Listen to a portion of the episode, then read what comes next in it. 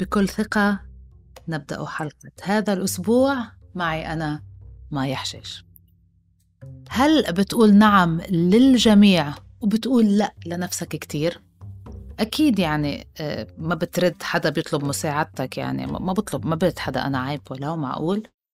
بكتير من الأحيان منلاقي من الصعب إنه نرفض طلب المدير وهو يستعين بنا بآخر لحظة لمشروع بينما بنكون مرتبطين بموعد دكتور أو تعبانين جسديا أو عنا التزام بمكان آخر أو يمكن بس عنا مخططات أخرى أنتوا صارت معكم صح؟ لأنه أنا كتير بتصير معي أظهرت أبحاث بعنوان التوازن بين العمل والحياة هو دورة وليس إنجاز.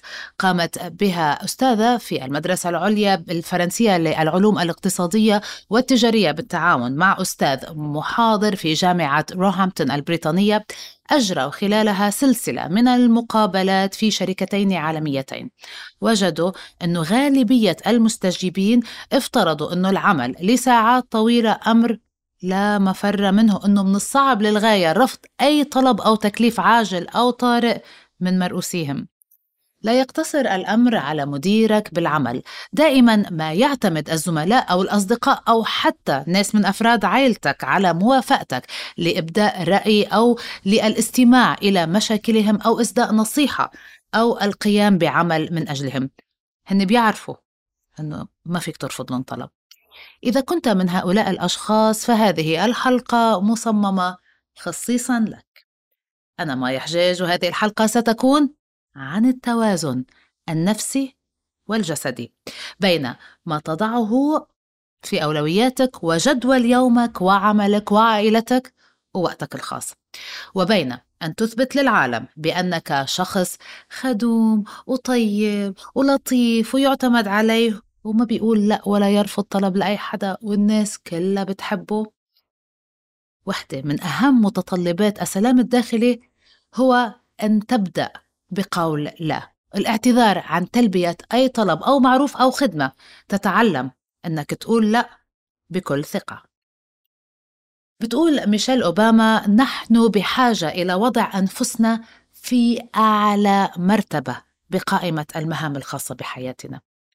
خلينا نبلش بالأول على السريع نعرف. لماذا نجد صعوبة في قول لا؟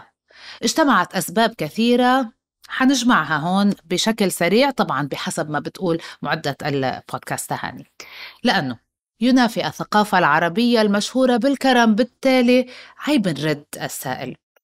بسبب الشعور بالذنب أو الشعور بالالتزام تجاه الناس بحياتنا.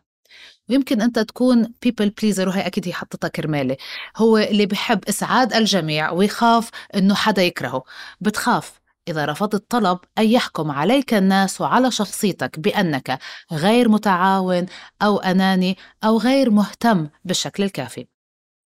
أن تخاف أنت أو, بت أو بتخاف أن تفقد حب الناس وبدك أنك تكون دائما عند حسن ظنهم.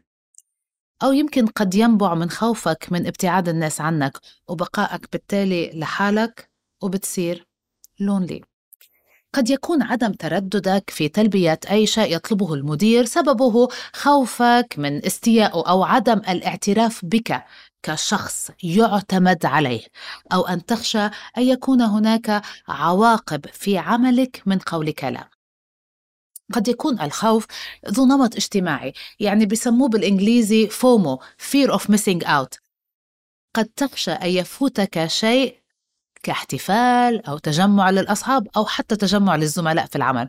أخيرا قد يكون سبب تعاطفك مع الشخص بسبب مرورك بنفس التجربة من قبل وإدراكك مدى سوء الحالة التي يمر فيها هذا الشخص السائل أمامك.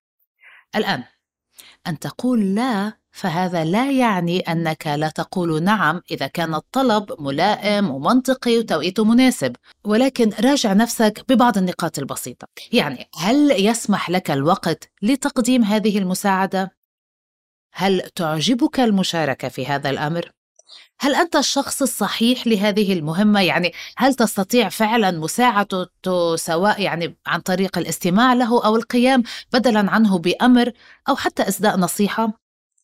هل هذا الشخص لجوج لحوح دائما ما يطلب المساعدة أم أنها فعلا الخدمة المناسبة للشخص المناسب هل الموضوع لا يؤثر على وقتك وقت أولادك جسدك نفسيتك حتى جدول أعمالك ألا تراودك فكرة أنه هذا المدير أو الصديق أو حتى الوالدة عم ياخذوك كشيء مسلم به taking you for granted وموافقة موافقتكم مضمونة لأنكم كنتم دوما كذلك.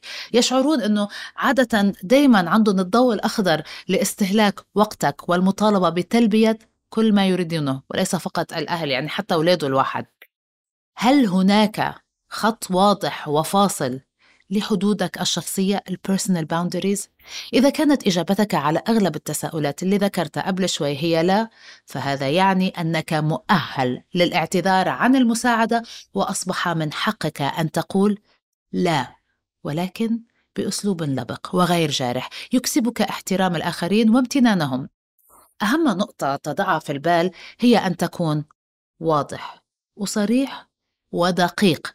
ابتعد عن ربما وإن شاء الله ويمكن لأنها تجعل آه، جدوى الأمل عند طالب الخدمة أو المساعدة بأنك قد تساعده وتقدم وعود كاذبة لا يستحقها. من لجأ إليك للمساعدة أو لخدمة لأنه ببساطة تصرف لا يليق بك. عزيزي مستمع بودكاست بكل ثقة.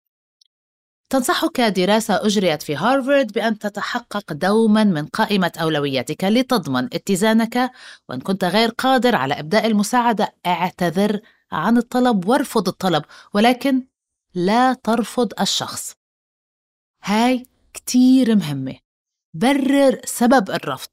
لا تبرر نفسك له. اشرح أسبابك. اعتذر عنها. هذه المرة فقط. أرفض تقديم المساعدة أو الخدمة. لا ترفض الشخص بحد ذاته.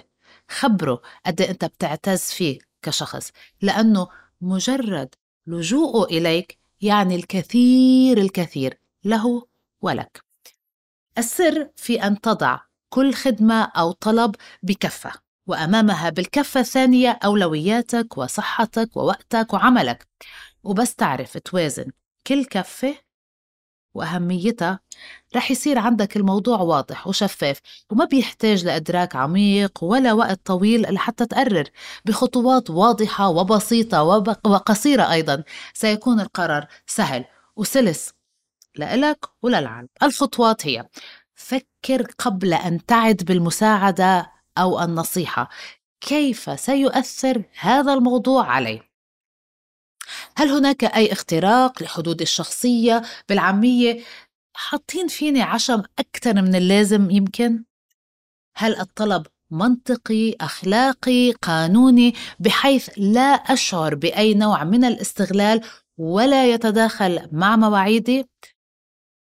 تذكر أنه لما يكون كوبك مليان ما تتبرع حتى تصير الإنسان الخدوم والشجاع اللي بيقول دايما إيه وتصير ثلاث رجالة في بعض شوي شوي لأنه الأذى رح يرجع على صحتك ونفسيتك ونفسك أنت أولى بهذا الجهد. تذكر أولى قواعد السلامة اللي بيوصوك فيها بس تطلع بالطيارة إنه في حالة الطوارئ وإصابة الطائرة بعطل ما فعليك وضع القناع على وجهك أنت أولا قبل أن تساعد الآخرين. تذكروها. تحقق دائما من أولوياتك. شعورك التام بالتوازن. تدريجيا ستلمس أن تعاملك مع العالم أصبح بكل ثقة. ختاما. أرجو التنويه أن هذا البودكاست لا يستند إلى تجارب شخصية. هذا البودكاست هو مجموعة من تجارب شخصية وآراء فردية ومقتطفات من أهم الأبحاث والمقالات العلمية.